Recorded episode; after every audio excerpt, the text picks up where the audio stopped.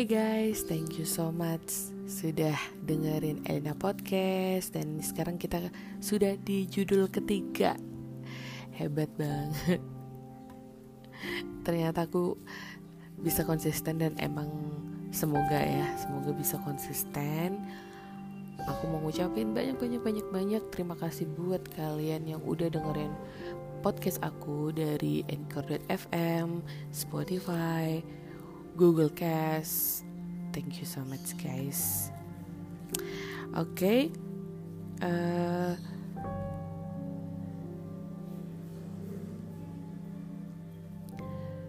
aku mau Oke, okay, kita kembali ke judul ketiga. Oh ya, sebelum kita masuk ke materi hari ini, aku mau nyapa yang pendengar-pendengar aku dulu nih. Gimana kabarnya? Semoga baik-baik aja ya. Ini udah masuk di akhir November dan semoga kita segera masuk ke akhir tahun 2020 bulan depan. Duh, sorry. Oh ya, sebelum masuk ke materi hari ini, aku mau nyapa dulu nih pendengar-pendengar setia aku, pendengar setia Elina Podcast. Hai guys, gimana kabarnya? Semoga baik-baik aja semuanya. Kita udah uh, masuk ke akhir bulan November dan bulan depan sudah Desember. Semoga, semoga, semoga gosip yang katanya tahun depan kita udah mulai normal kembali terus udah mulai sekolah tetap muka ya itu beneran terjadi ya I I wish it could be happening gitu karena udah kangen banget udah setahun ini rasanya nggak pernah ya kayak setahun dikurung di tempat kita sendiri nggak enak banget oke okay. kalian pernah nggak sih uh, Oke, kita masuk ke materi hari ini yaitu hubungan toksik. Kalian pernah gak sih ngerasain atau mengalami hubungan toksik atau hubungan beracun alias hubungan yang gak sehat?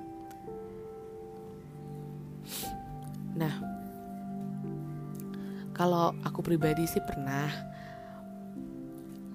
Dan aku rasa film-film yang ngambil makna yang sama tentang hubungan toksik itu sebenarnya udah banyak banget.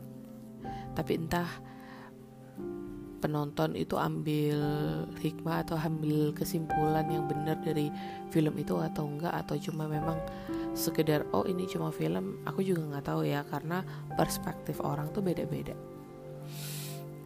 oke okay, hmm, yang pasti aku mau jelasin nih, hubungan toksik atau hubungan beracun itu tidak hanya terjadi dengan pasangan aja, dan itu pacar, tunangan, suami atau istri, tapi hubungan toksik juga bisa terjadi di tengah-tengah hubungan kita dengan orang tua, saudara, tetangga, teman, sahabat, dan lain sebagainya.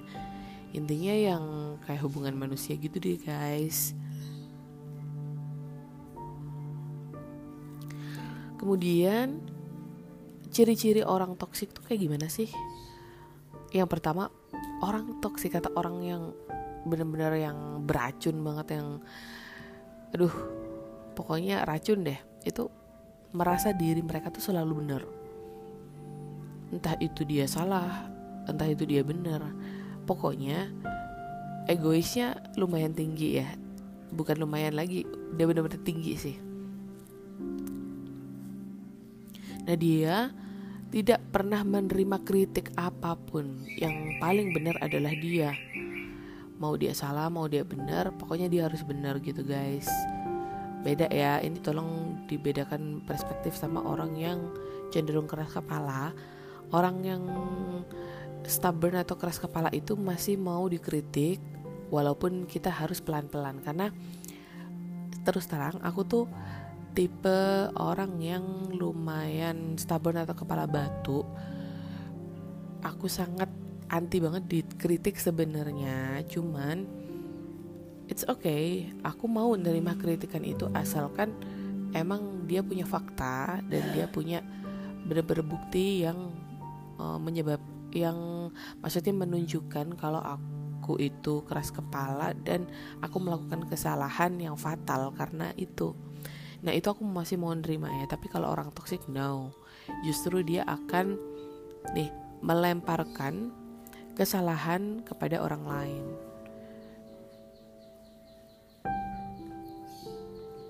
Orang toksik itu nggak mau introspeksi diri sama sekali. Ya kembali lagi ke poin pertama dia selalu benar. Terus yang paling parah ini dia selalu melakukan lighting ini bahasa keren dari menempatkan kesalahan pada orang lain. Nah ini nih yang sering terjadi di uh, sekitar kita di mana banyak orang tua yang melakukan lighting pada anaknya. Dengan dalih orang tua itu selalu benar kalau kamu ngelawan itu berarti durhaka. Itu salah banget ya guys. Itu namanya suara lighting jadi seandainya mereka benar jadi mereka tuh kayak merasa berkuasa banget tapi kalau mereka salah tetap kita nggak bisa nyalahin mereka karena mereka merasa mereka lebih tua dari kamu mereka lebih banyak pengalaman dari kamu padahal yang namanya pengalaman tuh nggak bisa disamain ya dan umur yang lebih tua tidak menjadikan mereka tidak bisa disalahkan. Itu yang paling benar. Kalau misalnya di hubungan itu soal lighting itu biasanya kalau terjadi pertengkaran mereka nggak pernah mau disalahin. Jadi misal gini nih, uh, si A dan si B gitu uh, berhubungan dan mereka melak- uh, terjadi pertengkaran karena tidak sepaham atau tidak sepakat. Padahal yang toksik itu si A, tapi si A berusaha meyakinkan kalau si B ini nggak berharga, si B yang selalu membuat uh, keputusan bagaimana caranya si A ini bersilat lidah. Supaya si B itu terus uh,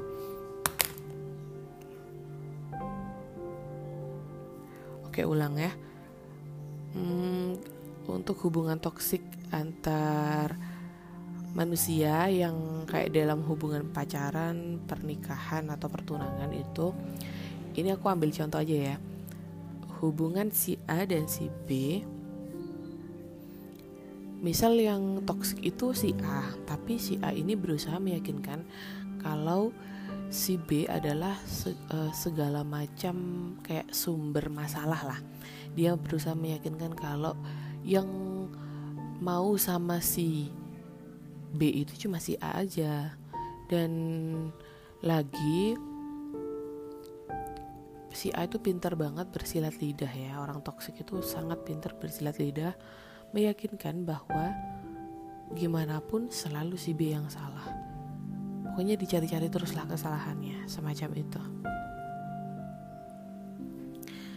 terus terang aku punya pengalaman berhubungan dengan orang toksik selama kurang lebih lima tahun. Ya yeah, I know it's really silly but ya gimana ya? Namanya orang bucin.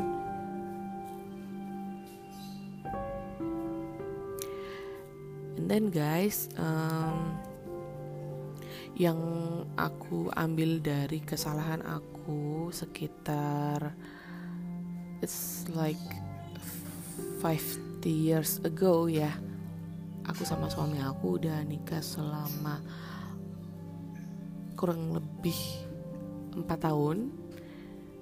Dan udah pacaran dua tahun oh sorry six ya six years ago itu aku sempet berhubungan dengan seseorang selama lima tahun. Dan itu bodoh banget dan sangat toksik tapi kenapa aku nggak meninggalkan aja I don't know gitu loh. Setiap manusia juga pernah melakukan kesalahan. So am I aku juga pernah melakukan kesalahan. Tapi ya setidaknya kita nggak ngulangin kesalahan itu. Dalam berpacaran aku tuh orangnya emang sangat sangat setia sih. Cenderung setia ya kalau udah satu ya udah satu aja. Dulu sempet pernah selingkuh dua kali. Aku main di belakang dua kali sama orang lain and then he survive gitu. Nah hal ini tuh yang menyentuh yang bikin aku bucin gitu. Maksudnya aku udah mengkhianati dia dua kali tapi dia tetap bertahan. Walaupun dia sebenarnya uh, membalas aku juga but aku selalu merasa di situ oh ya aku yang salah gitu aku yang menyebabkan dia selingkuh.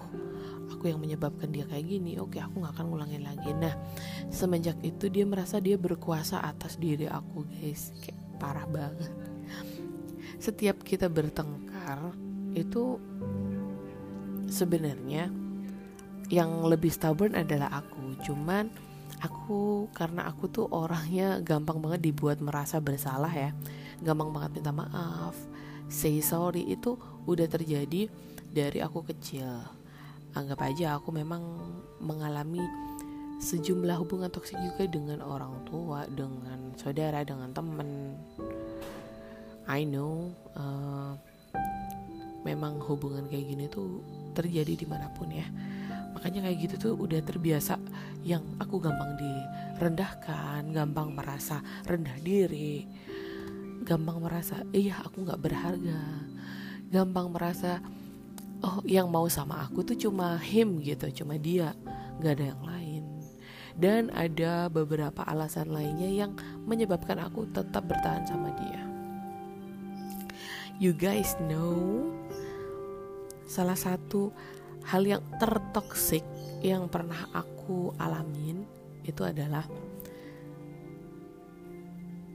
aku rela menjadi uh, gendut menjadi gendut beneran nih menjadi gendut dan jelek tanpa make up bahkan uh,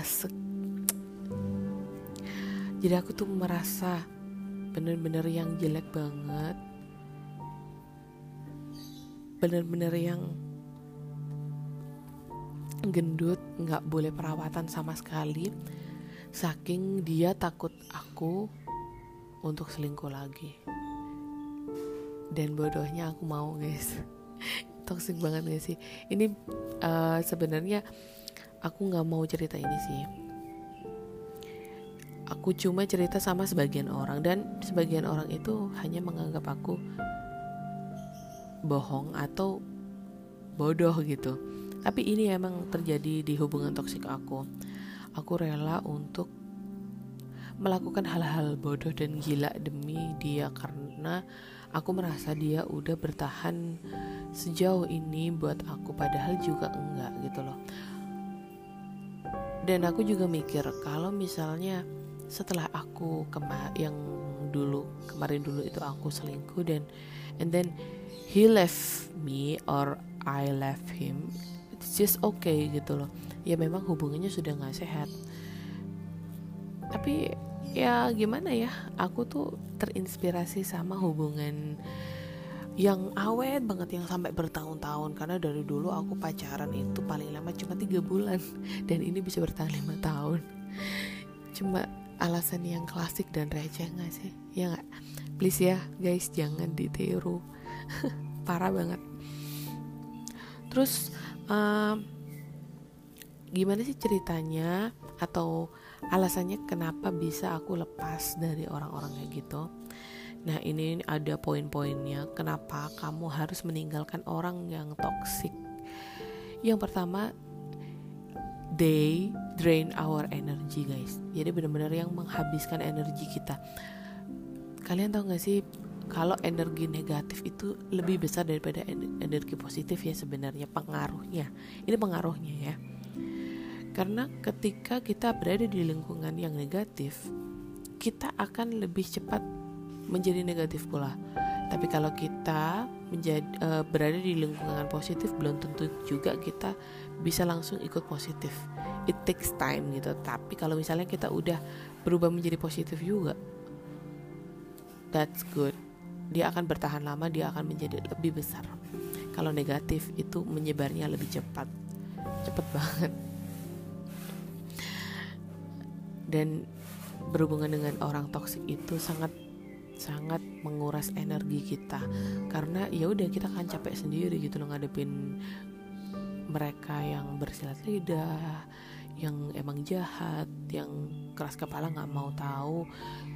Mereka punya stigma sendiri gitu oke yang kedua selalu membawa negatif vibes di mana pun mereka berada. Kayak biasanya kita enak-enakan terus ketemu mereka tuh kita cenderung untuk melakukan hal-hal yang negatif atau hal buruk. Ini beneran ya. Jangan sampai kalian terjebak ke posit uh, toxic positivity ya karena itu pos yang sorry sorry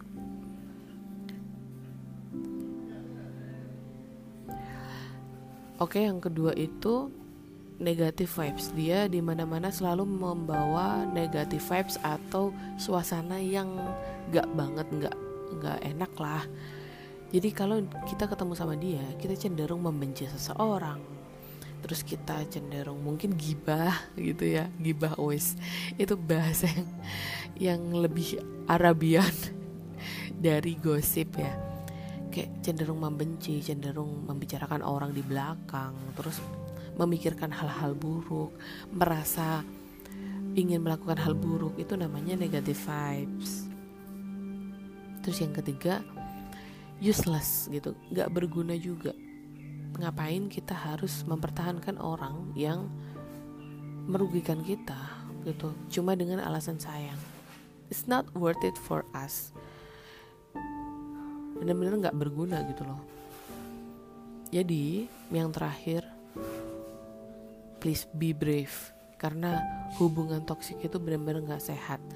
At least kamu harus melakukan sesuatu. Just do something untuk fix this or leave it. Apa yang aku lakukan kemarin sama mantan aku waktu aku menjalani hubungan toksik itu sebenarnya udah lama aku ngerasa hal-hal kayak gini tuh nggak bisa diterusin. Cuma tau nggak sih waktu aku putus itu selalu balikan berkali-kali kayak it's like thousand times kita balikan dan melakukan hal-hal itu lagi. Polanya selalu sama kayak kita bertengkar aku merasa nggak cocok aku tegasin untuk putus. Putus terus kangen tapi aku tahan dia berusaha untuk deketin aku lagi. Dia merasa dia nggak bisa hidup tanpa aku yang mau sama dia cuma aku. Dan dia juga uh, a little bit sour lighting kayak yang mau sama kamu tuh cuma aku gitu. Terus setelah itu dia berusaha menunjukkan kalau dia sudah berubah. Terus dia berusaha memenuhi apa yang dia nggak bisa lakukan waktu pacaran? Jadi misal kayak aduh waktu pacaran tuh bosen banget pengen nonton gitu. Ya dia nggak mau nih. Nggak mau sama sekali waktu selama kita pacaran ya. Terus waktu uh, usaha mau balikan dia menawarkan yuk nonton yuk uh, aku temenin ke sini aku temenin ke situ. Hal-hal yang kita nggak bisa dapetin selama yang kemarin pacaran gitu. Uh, wait a second ya akhirnya aku oke okay lah gitu. Mungkin dia bisa berubah. Dan akhirnya setelah kita balikan ini selalu sama juga polanya. Sekitar seminggu atau dua minggu dia pura-pura baik. And then he back gitu. Exactly the same seperti yang waktu kita sebelum pacaran dia kembali seperti semula. Nyebelin mempertengkarkan hal yang sama jadi yang kemarin itu manipulatif banget emang bohong aja. Dan itu dia lakukan berkali-kali dan aku oke okay aja kayak oh my god I'm so silly. Ya inilah bahayanya rasa cinta yang uh, anggap aja di luar pernikahan ya kayak pacaran gitu. Bahkan dia tuh nggak nggak membiayai kita loh. Tapi dia berusaha untuk menguasai kita. It's just like uh, bullshit ini. Per, perpacaran hubungan-hubungan kayak gini tuh bullshit banget ya. Tit. Oke lanjut. Aku merasa hubungan kayak gini udah gak sehat itu Udah dari hubungan kita tiga, tiga setengah tahun Tapi aku masih melakukan itu ya kayak Toxic positivity Terus aku selalu berharap dia berubah. Ingat tahu deh. Bukan membawa karakter karakteristik ya tapi emang kebanyakan orang setia itu bucin gak sih? Aku selalu ber aku selalu merasa dia bisa berubah tapi ternyata enggak gitu. Dan aku hanya menyayangkan hubungan yang udah lama yang sudah kita bangun dari nol. But let me tell you guys sesuatu yang sudah dibangun dari nol atau minus. Bukan berarti dia nggak bisa hancur atau merasa sayang ya kalau dihancurin. No it's not work uh, dia nggak bekerja seperti itu guys. It's not work like that. Kalau memang harus hancur orang aja bisa mati. Seseorang yang udah kita lahirkan dan mungkin dia mati di tengah jalan atau masih bayi dia mati itu ya udah it's just like that gitu. Kita nggak bisa untuk ngatur dia harus hidup sampai 100 tahun dulu baru mati nggak bisa. Ya memang seperti itu aja adanya. Jadi sama seperti hubungan kalau memang sudah nggak sehat berapapun lamanya hubungan itu terjalin dan sudah menghasilkan kalau memang nggak bisa dipertahankan ya just let go. Jangan dipertahankan. Atau kalian akan ngerasa sakit sendiri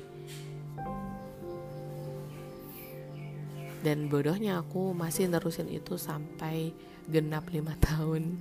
Tapi memang it's so difficult untuk lepas dari dia. Aku merasa kadang aku merasa diteror aku merasa dia akan melakukan hal jahat sama aku. Makanya di tahun sebelum tahun kelima ya berarti tahun keempat itu aku udah ambil strategi gimana caranya aku selidikin apa maunya dia, gimana caranya lepas dari dia gitu, supaya ketika balikan aku nggak balik lagi sama dia gitu. Termasuk faktor-faktor kayak kangen atau aku ngerasa kesepian, how to deal with that. Aku benar-benar belajar setahun itu, saking bucinya, astagfirullahaladzim.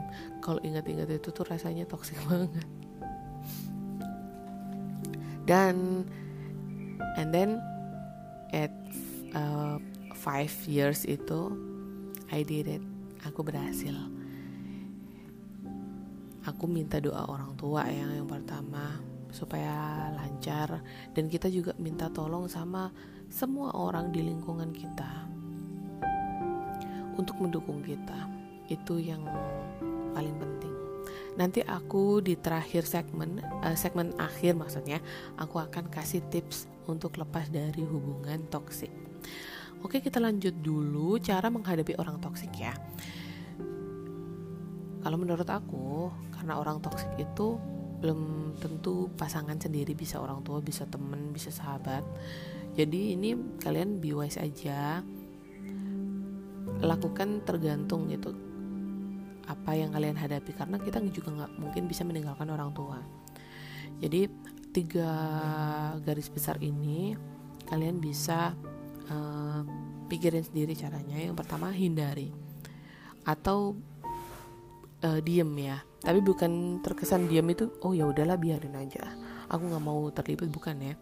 Hindari itu gimana caranya menghindari uh, percakapan atau hubungan yang lebih intim dengan orang-orang yang toksik nih. Karena percuma banget kembali yang tadi itu. Kenapa harus meninggalkan orang toksik karena dia drain our energy capek banget menghadapi hal-hal yang toxic kayak gitu. Terus yang kedua kalian harus tegas. Speak up guys. Just do speak up. Anyway aku tuh pernah punya bukan pernah sih sebenarnya aku punya saudara yang hmm, konservatif banget tau nggak? Uh, orang zaman dulu kan suka emang suka negatif gitu nggak sih? Kayak bully itu sebenarnya berasal dari keluarga sendiri dan circle persaudaraan kayak kita gendut dikit dikritik, kita hitam dikit dikritik dan dijadikan bahan bercandaan. It's not funny guys, gitu loh. Jangan karena kamu merasa mereka tuh saudara kamu and and then mereka berhak untuk gituin kamu nah saudara aku ini melakukan hal kayak gini melakukan hal yang sama dan bahkan mereka itu nggak minta maaf gitu loh. Setelah misal kayak ngejek aku gendut ngejek aku hitam gitu. They never say sorry. Never. Never ever. Dengan alasan kalau misalnya aku marah dulu baper. Duh gitu aja. Kan bercanda. Bercanda itu juga ada batasnya. Jadi kalian harus menegaskan batas-batas di mana itu melampaui atau enggak. Aku tuh bercandain orang mungkin melampaui batas aku pasti selalu minta maaf sih. Karena aku merasa kalau aku nggak nggak mau diginiin sama orang jangan giniin orang gitu. Itu udah jadi prinsip hidup sih. Tergantung ya sama orang lain. Kenapa harus speak up? Karena kalau kalian diem mereka akan menganggap semua baik-baik aja. Mereka akan menganggap kita takut mereka akan melakukan hal yang sama berulang-ulang kali. Dan percayalah hal-hal kayak gini tuh mengganggu banget loh. Pada suatu hari dia itu ini saudaraku ya uh, dia ngatain aku atau dia meninggalkan komentar di foto aku yang aku terlihat memang lebih lebar. Dan imagine gitu aku tuh udah nikah dan udah punya anak dan apa salahnya gendut apalagi saat itu aku masih asi kenapa sih orang orang bermasalah banget sama orang gendut dan pengen banget ngatain why gitu loh? Karena mereka pengen membuang energi negatif mereka. Kalau mereka nggak nyampah itu nggak enak kayak nggak lega gitu loh guys. Ini yang harus kita perbaikin semuanya. Dan akhirnya aku mikir saat itu oke okay, this is uh, over limit. Udah melampaui batas. Jadi saat itu aku komen aja please don't be body shaming gitu.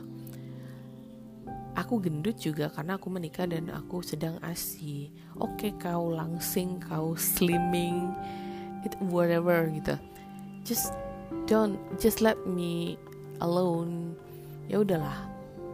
Apa sih yang kamu dapat dengan body shaming? Kebanggaan atau apa gitu? I told her ya ini perempuan ya saudara aku. Ironis banget ya. Sesama perempuan ngatain gendut ngatain aduh yang segala macam body shaming. Dan aku nggak nyangka banget sih. Why gitu? Sesama perempuan nggak mendukung sesama perempuan juga.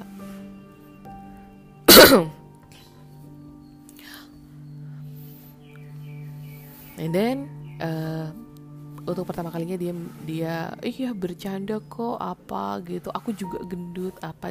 But ingat deh she never say sorry not even once no. Tapi setelah aku melakukan speak up dan tegas kayak gitu uh, she avoid avoiding me gitu. Dia menghindari aku banget. Sampai sekarang dia nggak berani apa nggak berani apa. Kontak wa aku dihapus dan ini termasuk resiko ya. Aku tahu banget kenapa kalian gak berani speak up sama orang-orang toksik terutama orang-orang terdekat kayak kakak saudara orang tua dan temen sahabat lain sebagainya. Kenapa? Karena kalian takut dihindari kalian takut kehilangan orang tersebut. Guys uh, let me tell you ketika kamu kehilangan sesuatu tapi kamu menemukan dirimu sendiri berarti kamu pemenangnya. Ini yang perlu kamu ingat ini quotes yang paling bagus buat kita yang terjebak di dunia toxic. Kalian harus keluar dari toxic circle, guys. Dan ini adalah suatu keputusan besar, tergantung kalian aja sih. Kayak gimana? Terus yang ketiga, kalau kita menghindar nggak bisa, kita uh, speak up dia masih nggak berubah dan itu masih sangat mengganggu kita, dan leave it, tinggalkan karena ya udah useless. Nggak ada yang bisa dipertahankan gitu loh. Oke. Okay. terus kembali lagi ke ciri-ciri hubungan toksik. Ini yang terjadi di mana aja. Dan sebenarnya sampai sekarang kita nggak sadar kalau kita berada di lingkungan atau hubungan yang toksik itu. Yang pertama lebih banyak bertengkar daripada baikan. Ini yang terjadi di hubungan aku juga yang kemarin terus yang kedua susah menemukan titik temu atau sepakat ketika kita bertengkar kita nggak mau discuss atau dia yang nggak mau discuss and I don't know gitu. Nggak pernah bisa sepakat selalu uh, mempermasalahkan hal-hal itu aja. Itu namanya hubungan toksik ya. Oke yang ketiga manipulatif. Salah satu dari kalian manipulatif atau suka berbohong. Ya karena itu ciri-cirinya orang toksik tadi itu dia merasa nggak salah. Jadi dia berhak untuk melakukan kesalahan yang sama. Karena dia merasa itu bukan kesalahan kok. Gimana juga? Pusing juga kan? Aku juga pusing nih ngomongin. Dan yang terakhir ya betul. Selalu mengulangi kesalahan yang sama Oke, okay, uh, aku di ini udah hampir akhir segmen ya. Jadi aku mau kasih dua tips. Yang pertama cara untuk uh, meninggalkan hubungan yang toksik dan cara mencari hubungan yang sehat mana dulu nih enaknya kayaknya yang negatif diselesaikan dulu baru yang positif ya biar nanti kita setelah mendengarkan ini menjadi positive vibes gitu. Oke? Okay? tips dari aku ini dari aku aja ya. Jadi belum tentu cocok juga di hubungan kalian karena kita semua berbeda hubungannya juga berbeda kita nggak bisa nyamain tapi kalian bisa ambil garis besarnya. So uh, catat nih ya. Yang pertama, kalian cari tahu dulu apa yang selalu kalian pertengkarkan, guys. Apa yang selalu menjadi uh, penyebab pertengkaran kalian. Itu yang pertama, karena itu yang akan menjadi alasan kuat kenapa kamu meninggalkan dia gitu. Oke, yang kedua, kamu harus mencatat semua kejadian atau kelakuan dia yang bikin kamu bahagia dan bikin kamu menderita. Bandingkan lebih banyak yang mana. Kalau lebih banyak yang menderita, fix kamu harus ninggalin dia. Terus yang ketiga, uh, kamu harus membuang positivity dulu sih untuk meninggalkan hal-hal yang negatif. Karena kata-kata at least atau setidaknya atau sayang. Sayang nih udah gini sayang nih udah sejauh ini. Itu bahaya banget buat kita. Itu namanya toxic positivity ya. Dan ini yang harus dibuang. Ingat-ingat deh semua hal negatif yang kamu dapat ketika kalian bersama itu yang paling penting.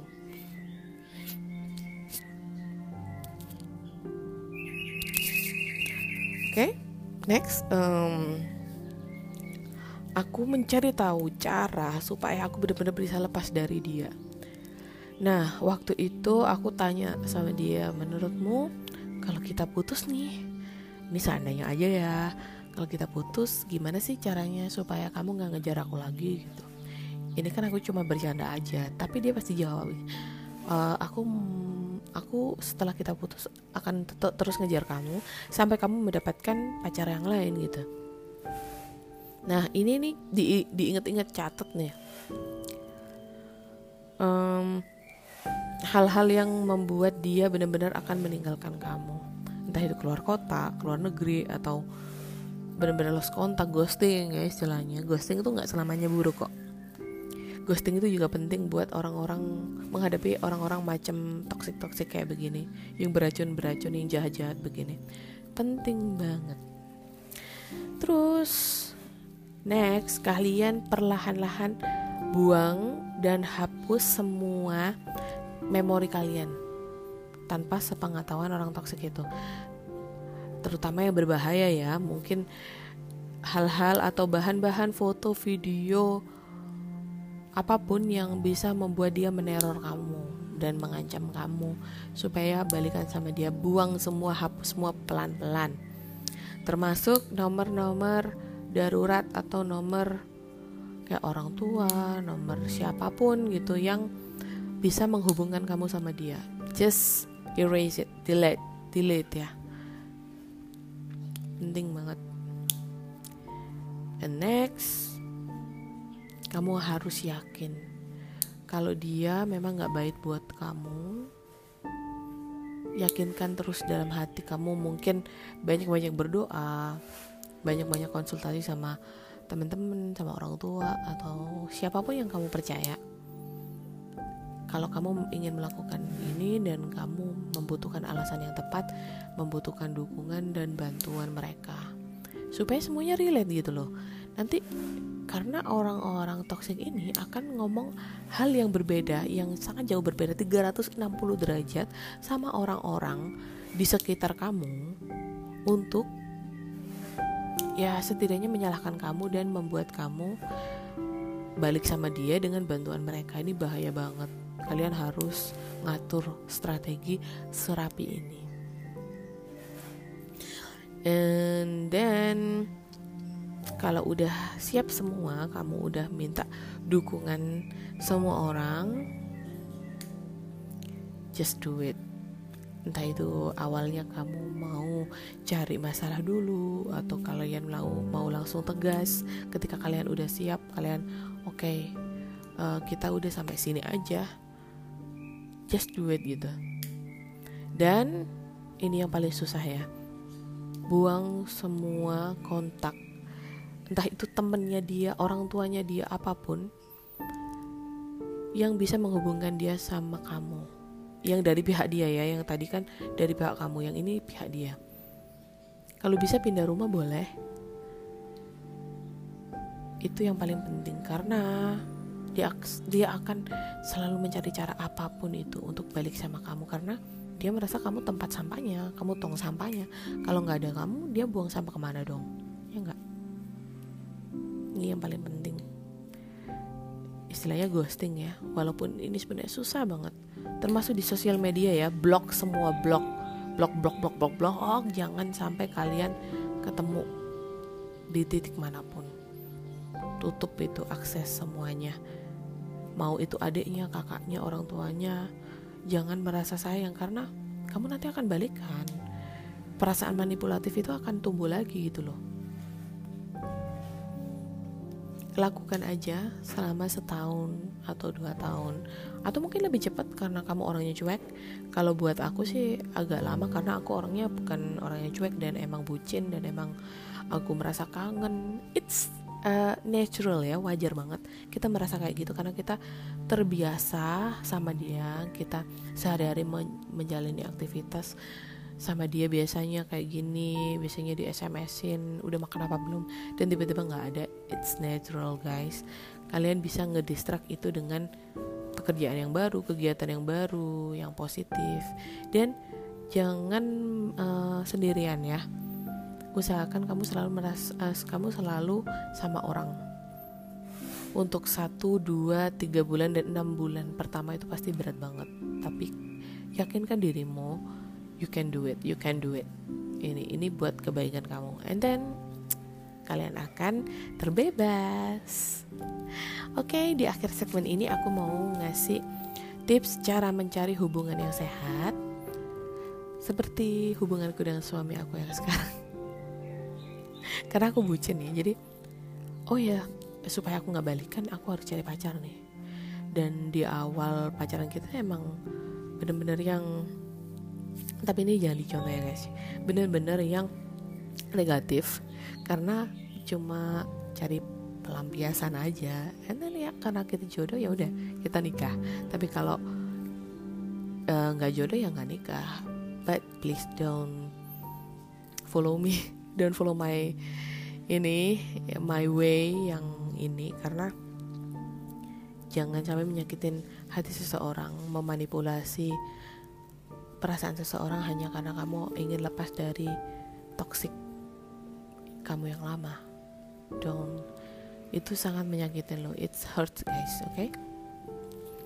Yang pertama, cara mencari hubungan yang sehat adalah mencari seseorang yang berasal dari lingkungan yang sehat juga. lingkungan yang sehat bisa berbagai macam ya entah itu dari lingkungan yang berbeda banget mungkin dari kampus yang lain dari mungkin majelis talim aku nggak ngerti dari tempat kamu beribadah di entah itu gereja pura atau apa yang fresh gitu loh istilahnya. Pokoknya kamu merasa ketemu sama dia itu di tempat yang baik. Beda ya kayak I'm sorry I, don't, uh, I don't judge anyone ya. Mungkin ketemu di klub atau tempat yang nggak bagus lainnya. But aku nggak akan bilang ini tempat buruk ya karena orang bisa ketemu jodoh di mana pun kok bahkan di toilet juga bisa.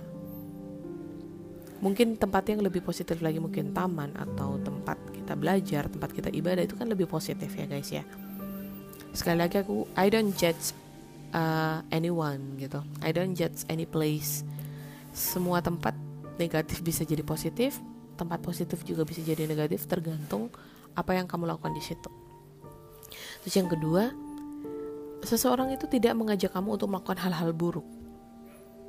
Seperti yang dilakukan orang-orang toksik entah itu entah itu kamu mau um, ya itulah yang pokoknya yang membawa hal-hal negatif. Jadi benci seseorang jadi melawan orang tua mungkin. Hal-hal buruk lah ya. Dia akan mendorong kamu ke hal-hal yang lebih positif dia sopan dia datang ke rumah kamu dan lain sebagainya dia dari awal hubungan dia nggak minta yang aneh-aneh entah itu more than kissing I don't know itu yang lebih positif sih guys terus yang ketiga kalian akan selalu merasa positif atau akan terjadi positif vibes, suasana positif setiap dan seusai kalian bertemu. Ini yang paling penting. Jadi jadinya gampang banget kok. Kalau kamu setelah ketemu perasaan jadi nggak enak, selalu merasa benci, selalu merasa kacau, itu berarti dia toxic. Kalau sebaliknya berarti dia good for you. And the last but not least frekuensi pertengkaran dalam hubungan wajar. Maksudnya lebih banyak baikannya ya daripada tengkarnya. Dan selalu bisa mengatasi dengan baik kalian maksudnya bisa titik ketemu titik temu yang aku bilang tadi itu bisa sepakat bisa oke okay, ah aku ngalah di sini atau dia yang ngalah di sini dan kita udah menemukan oke okay deh kita ambil jalan di sini deh supaya kita nggak tangkar gitu. Terus yang kedua ya melibatkan keduanya gitu kayak benar-benar kamu dilibatkan di situ karena ini kan hubungan dua orang bukan saling menguasai tapi gantian. Take and give. Oke? okay? Sekian podcast hari ini dalam judul hubungan toksik. Semoga kalian yang masih berada di hubungan toksik tersadarkan dan ini membawa manfaat ya podcast hari ini. Maaf atas kesalahan atau salah kata dan kesalahan apa pun yang aku lakukan yang kalian dengar di podcast ini I'm so so sorry. Aku benar-benar bukan orang yang berkapasitas. Aku hanya berbicara dengan beberapa literasi dan pengalaman aku.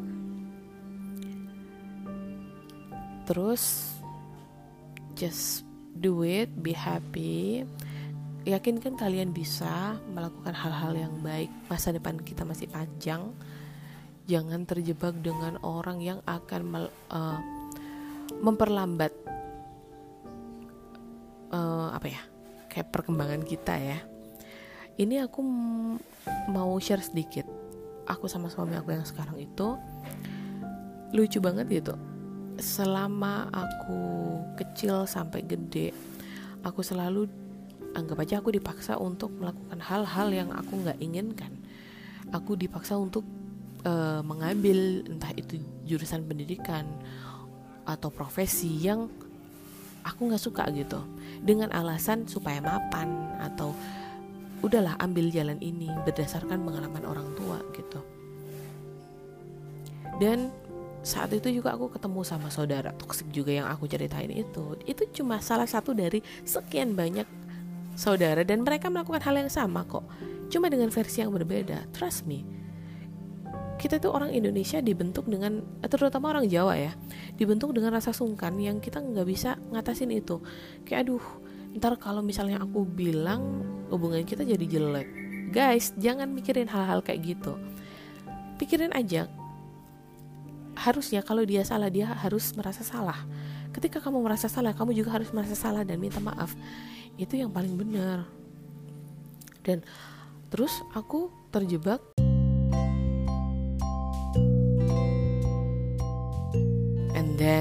setelah berkutat atau berada di circle yang jelek kayak gitu aku juga nggak pernah menemukan temen yang membawa aku ke arah positif ya. Susah banget kayak aku emang susah banget guys untuk cari temen. Aku cenderung introvert.